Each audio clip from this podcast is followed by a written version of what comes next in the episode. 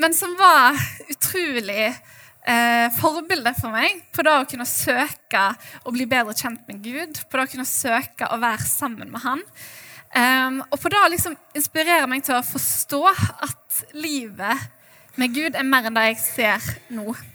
Uh, det var utrolig fint. Og når jeg ser tilbake, så tenker jeg det er kanskje min første smågruppe. Det var et så forvandlende fellesskap. Det var et fellesskap hvor jeg um, ja, ble litt sånn sakte, men sikkert forsto litt mer av hvem Jesus var, forsto litt mer av hvem Den hellige ånd var.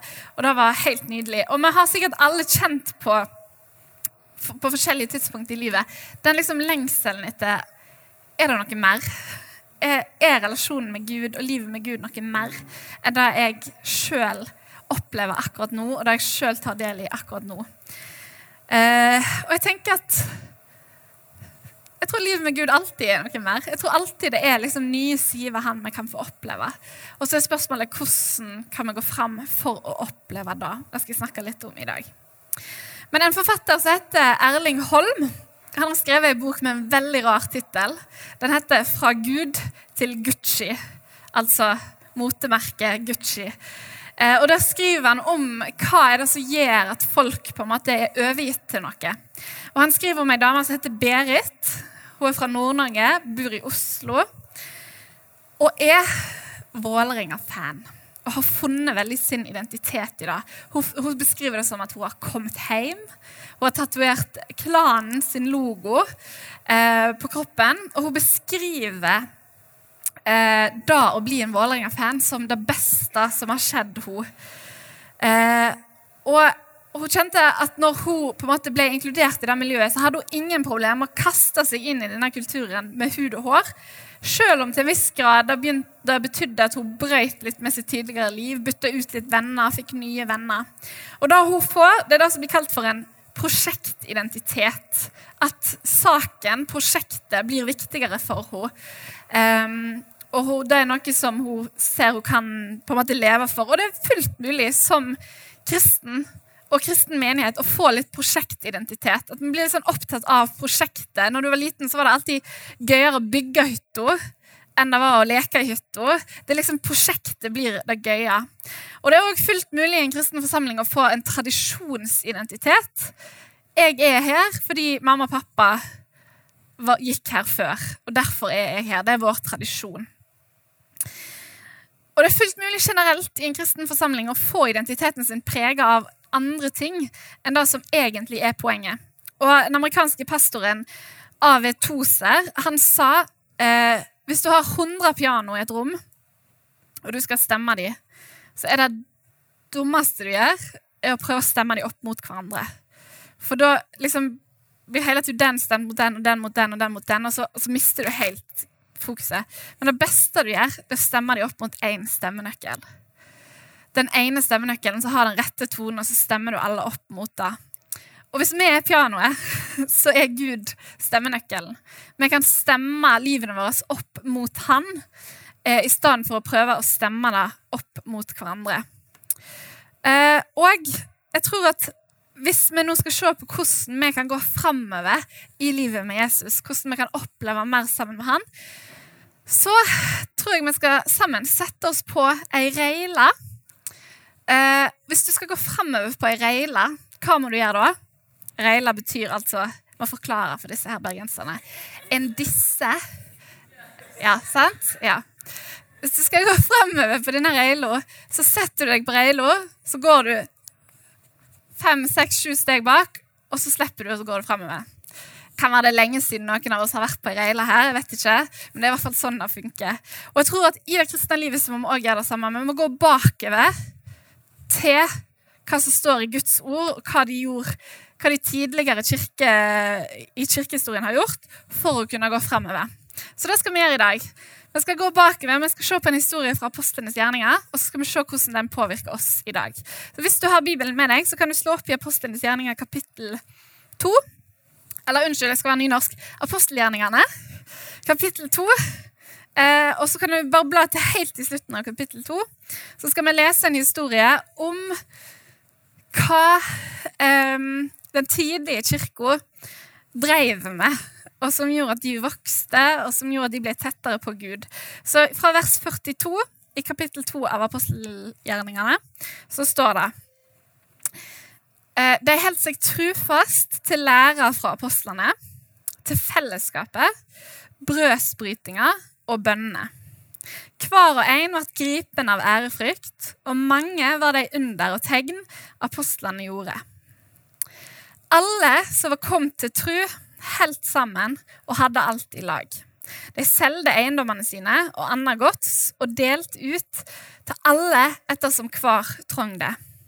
Med ett sinn samla de seg hver dag på tempelplassen, og i heimene brøt de brødet og åt i lag med ekte og inderlig glede. De sang og lova Gud og var godt likt av alt folket. Og hver dag la Herren til nye som lot seg frelse. I dag skal vi gå liksom bak i denne teksten, sette oss på reila, lene oss bakover, prøve å slippe tak og prøve å ta det med oss framover. For denne teksten her er jo så nydelig. Og den er egentlig en oppsummering av ikke bare sånn, noe som skjedde i to uker i april, på en måte, i denne perioden, men en lengre periode. Og hvordan, eh, hvordan det så ut eh, å være en kristen i denne perioden. Og dette var jo, når vi leser det, uten tvil et forvandlende fellesskap. Så jeg tror vi har veldig masse vi kan ta med oss fra da. Fordi jeg tror at et forvandlende fellesskap har et, en en smart, en klok grunnmur. Vi har jo alle hørt historien fra Jesus, at det har noe å si hva vi bygger på. Om vi bygger på fjell eller om vi bygger på sand. Eh, og det er det de gjør her. De bygger grunnmuren. En ganske sånn Ja, egentlig nesten en radikal grunnmur, for det som ble en ganske radikal kirke i det at de konfronterte og utfordra samfunnet. Og det står at Hvordan de bygde den grunnmuren, var jo, de holdt seg trofast til fire ting læra fra apostlene. De var trofast til den. Til fellesskapet, til brødsbrytelsen og til bønnene. Og disse fire tingene var viktige, for de har vært viktige egentlig gjennom hele historien. Eh, og med en annen mann som kom sånn 300 år senere enn dette. Han heter Sankt Patrick, og han var misjonær til Irland. Eh, han, var, han, har en ganske sånn spesiell historie om hvordan han ble misjonær til Irland. For egentlig ble han kidnappa av irske barbarer, frakta til Irland, var der mange år som slave, kom seg fri, kom hjem igjen. Og så kjente han at Gud kalte han. Reis til Irland! Han bare yeah. Men um, det som var med Irland på den tida, var at det var ikke så lett å bygge kirker der. Fordi at uh, Irland hadde ingen byer. Det var kanskje litt som Fitjar. Det var liksom masse små plasser rundt omkring. Er kanskje litt som Stord òg, da. Men Lærvik er jo litt stort, så det er greit. Men det var liksom masse små liksom bygde og spredt bebygning. Det var liksom ingen sentrum eh, som de kunne komme til. Så da St. Patrick og gjengen hans gjorde, det var at de skapte et sentrum. De skapte et samfunn midt i liksom Irland. Masse forskjellige sånne små samfunn. Der de la vekt på eh, at de ville være åpne, at de skulle ha helt vanlige liv, helt vanlige yrke. Eh, og inkluderte verdien av gjestfrihet, hvordan du tok imot folk i fellesskapet. Så hvis du var en gjest, hvis du kom på besøk til dette fellesskapet, så ble du ønsket velkommen. Du ble inkludert, du ble spist et måltid sammen med, selv om de som spiste måltidet med deg, egentlig fasta. Så brøyt de fasten for å spise et måltid med deg og ønska deg velkommen. Du ble snakket med om tru og om liv på en naturlig måte, og de vaska føttene dine, og de ga deg et fredskyss. Det kan vi ikke gjøre under korona. Det må vente litt ned. Eh, og rett og slett bare ville vise disse gjestene at de var en prioritet. Og selv om de kanskje ikke var blitt kristne engang, før de var blitt kristne, så fikk de seg en såkalt sjelevenn. Det syns jeg alle skal ha. En venn som du kan snakke åpent og ærlig om sjelslivet ditt. Ei smågruppe og en plass til å være alene. Og De ble en del av samfunnet, og etter noen uker eller etter noen måneder så ble de invitert til å gi livet sitt til Jesus. Og jeg tror Det er litt sånn et forvandlende fellesskap ser ut. Det er varme, inkludering, kjærlighet, godhet og en forståelse av et tidsperspektiv. Alt skal ikke skje i dag. Vi skal gi folk litt tid. Vi skal la de få vokse. Og smågrupper var en naturlig del av denne hverdagen. Smågrupper var ikke bare et sånt samfunn hvor du kom og var litt sånn passiv, lente deg litt tilbake, men hvor du fikk være aktiv, hvor du fikk stille spørsmål, hvor du fikk delta, hvor du fikk bli kjent med folk, hvor du fikk lytte til Den hellige ånd og være der for hverandre. Og Jeg drømmer om at vi skal ha sånne fellesskap hvor vi kan løfte hverandre opp og bære hverandre. Jeg har lyst til å spørre, jeg inviterer Rebekka, som er her, eh, på Substans, til å dele en liten historie om hvordan det har sett ut i hennes liv i år. Eh, for noen måneder siden så hadde vi besøk av eh, en mann fra Åpne dører på Substans. Og så i friminuttet så snakka jeg og noen andre jenter med han så fortalte hun en jenta i klassen at hun sleit skikkelig med mareritt, eh, og at hun ikke fikk sove på natta. og hun kunne våkne av at hun begynte å grine fordi hun var så redd, og turte ikke å sove med lyset eh, av, og hun måtte låse døra når hun la seg. Så sa han mannen at dette hadde han vært borti før, eh, og at eh, han hadde vært oppe Han hadde hatt venner som hadde slitt med mareritt. Og så hadde han vært oppe på netter og bedt for disse. Og så utfordrer han oss til å gjøre det samme. Så jeg tenkte sånn OK, greit, Gud. I natt så skal jeg la være å sove, og så skal jeg være oppe, og så skal jeg be for henne. Fordi at han sa at eh, man skal kjempe kamper for hverandre. Og så tenkte jeg OK, hvis jeg kan ofre én natt med søvn for at hun liksom skal bli kvitt mareritt og få sove, så eh, skal jeg gjøre det.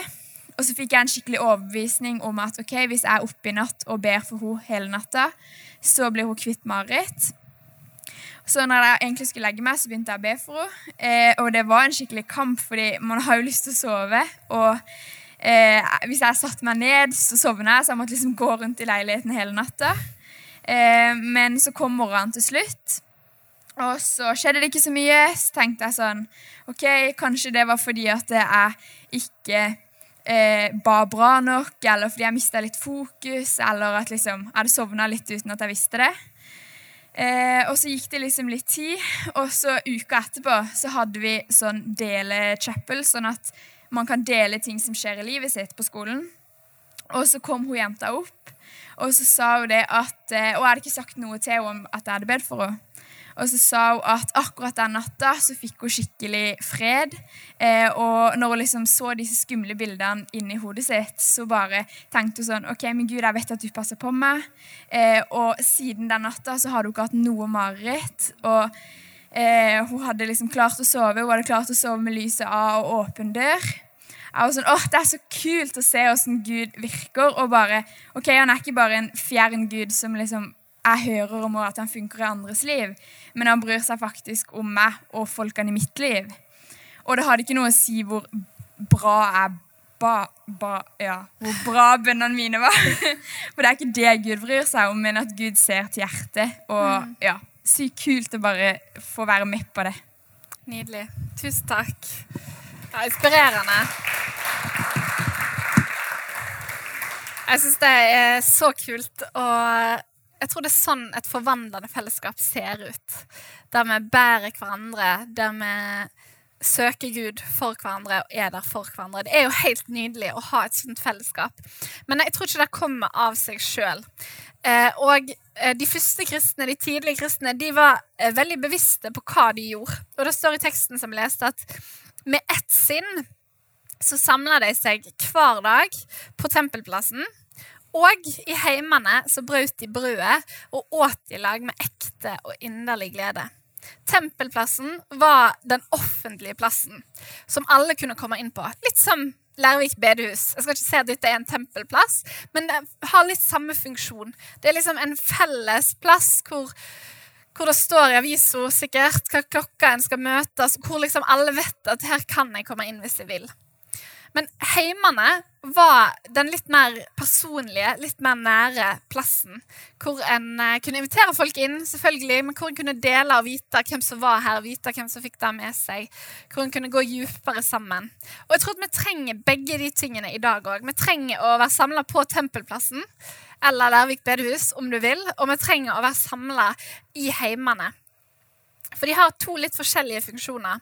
Og i eh, Jesaja 57, vers 15, så står det litt om hva de funksjonene er. Eller det, det står egentlig ikke om det i det hele tatt, men det står om, om to forskjellige sider ved Gud eh, som vi kan få lov å oppleve og få lov å søke. Og der står det Jesaja 57, vers 15. Så står det Så sier Han som er høg og opphøgd han som troner evig. Den hellige er hans navn. I det høye og hellige bor jeg, og hos den som er knust og nedbøyd i ånda. Jeg vil gi ånda liv hos de som er bøyde ned, gi hjertet liv hos de som er knuste. Det er to forskjellige sider ved Guds karakter eller Guds person som vi leser om her. Vi leser både om at han bor i det høye og i det hellige. Det er det som kalles på, på teologispråk for Guds transcendens. Han er liksom større enn alt. Han er utenfor alt. Han er høy og han er hellig. Vi kan få lov å søke han og gi han ære, løfte opp hans navn. Og det skjer kanskje litt mer sånn naturlig i det store fellesskapet, når vi, i hvert fall når vi kan synge, når vi har lov å synge, når vi kan eh, løfte opp hans navn. Vi kan liksom ta fokuset litt vekk fra vårt eget liv og heller gi han ære. Men så står det òg at han er hos den som er knust og nedbøyd i ånda. Det er det som kalles for Guds imminens. Det vil si at Han er ikke bare han som er stor og høy og hellig, men han er den som kommer nær til den minste av oss. Han er Emanuel, Gud med oss. Eh, og da, Den sida av Guds personlighet tror jeg vi, vi lettere opplever i den nære. Lettere opplever i den bønne tiår vi har i det lille fellesskapet, i heimen, hvor vi liksom inviterer Gud inn i vår, hele liksom, hverdagen vår. Og jeg tror at vi trenger begge disse sidene. da. Vi trenger å kunne, å kunne søke begge disse sidene ved Gud for å komme enda nærmere til Han, og for å kunne oppleve Han enda mer. Det handler om både Livet med Gud handler både om å motta. Først og fremst så handler det om det. alt vi får ved Guds nåde. Vi får frelse, vi får tilgivelse, vi får kraft. Vi får alt det å motta. Men så tror jeg at det er ikke sånn at Gud krever at vi skal gi noe tilbake til han. Men jeg tror det gjør noe med oss når vi kan gi han vår takk, når vi kan gi han vår ære, når vi kan løfte opp til han som er og over alt annet, han som er stor, og han som er kraftfull. Og sånn vi tenker i eh, Salt, og det er ikke en fasit på ingen måte, men sånn vi tenker om smågrupper, er at jeg, ei sunn smågruppe eh, har litt forskjellige eh, møtepunkt som skjer i løpet av en smågruppesamling. Vi tror det har et møtepunkt fra menneske til Gud, der eh, vi kan komme med vår takk, vi kan komme med vår bønn, vi kan komme med vår lovsang. At det skjer noe med oss da. Og så tror vi det har et møtepunkt fra Gud til mennesket. Det kan være at vi leser i Hans ord og opplever at vi får noe fra Han. Eller det kan være at noen får et profetisk ord, eller noen får et kunnskapsord, eller noen får en oppmuntring til noen. Og så tror vi at det er et møtepunkt fra menneske til menneske. At det, det skjer noe Altså, det er noe med å slippe Gud inn i det, i det personlige som kanskje ikke skjer i så stor grad hvis vi ikke tør å være åpne og ærlige om hva det personlige nære er. Så da kunne jeg dele bønneemne, da kunne jeg dele liv, da kunne jeg snakke om ting som skjer. Og så tror vi at det er òg et viktig møtepunkt.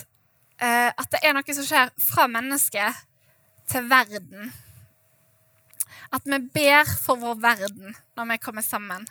Det kan være våre kollegaer, det kan være misjonærer i Bangladesh. Det kan være eh, for plassen vår, men at at vi ikke bare er her for oss sjøl, vi ikke bare er litt sånn inneklemte grupper, men at vi, vi er her òg for den plassen vi er. Og jeg tror at hvis vi eh, er bevisste da, på, på denne her helhetstankegangen om at vi er på tempelplassen og vi er heimene, så kan vi òg se ganske gode resultater fra det forvandlende fellesskapet. Og I teksten fra i dag i Apostelens gjerninger 2 så står det litt om hva resultatet deres var.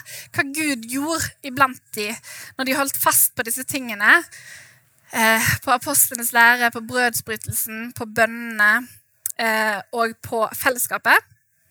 Og når de møttes både på tempelplassen og i heimene, så står det i det siste verset, som er kanskje et av de vakreste versene i Bibelen, så står det at eh, det var to ting som skjedde. De sang og lova Gud. Og så var det to ting som skjedde. De var godt likt av alt folket. Det er noe som er veldig, veldig bra å være som kirke. At, en, eh, at folk ser at det du gjør, er verdifullt. Og så står det òg andre ting som skjedde, som vi, vi kan bare lengte litt etter uten å liksom være helt der at vi forventer det med en gang. Men at hver dag så la Herren til nye som lot seg frelse. Resultatet av at de ga, at de delte, at de samla seg, eh, det var at Gud lot kirka vokse. Og det, det, står ikke at hver dag så la kirka til nye som lot seg frelse, men det står at det var Gud som la til nye som lot seg frelse. Og i dag er det òg Gud som bygger sin kirke, men i Efesene 2,10 så leser vi at vi er Hans verk, skapt i Kristus Jesus til gode gjerninger som Gud på forhånd har lagt ferdige, så vi skulle vandre i de.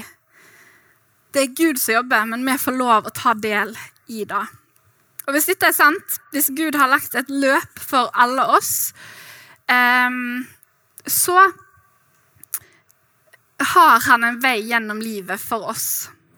Uh, og i Romerne 12, i det uh, første verset, men i en, en oversettelse som heter The Message-oversettelsen, som er litt sånn uh, ikke ord for ord-oversettelse, men et forsøk på å fange inn meninga, så, så har jeg en oversettelse her hvor det står at her er det jeg vil at dere skal gjøre.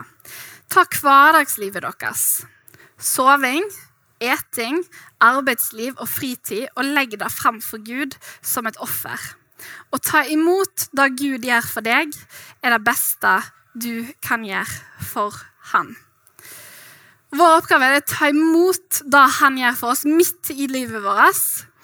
Eh, hvor han har lagt alt til rette for oss, lagt ferdiglagt gjerninger for oss, men hvor vi kan være bevisste på det.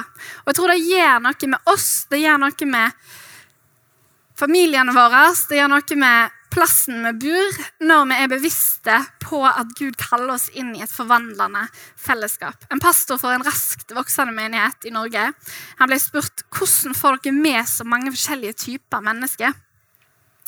Og Da svarte han vi har bygd et miljø som er så varmt og så relasjonelt at når folk møter det, så blir de dratt inn i fellesskapet.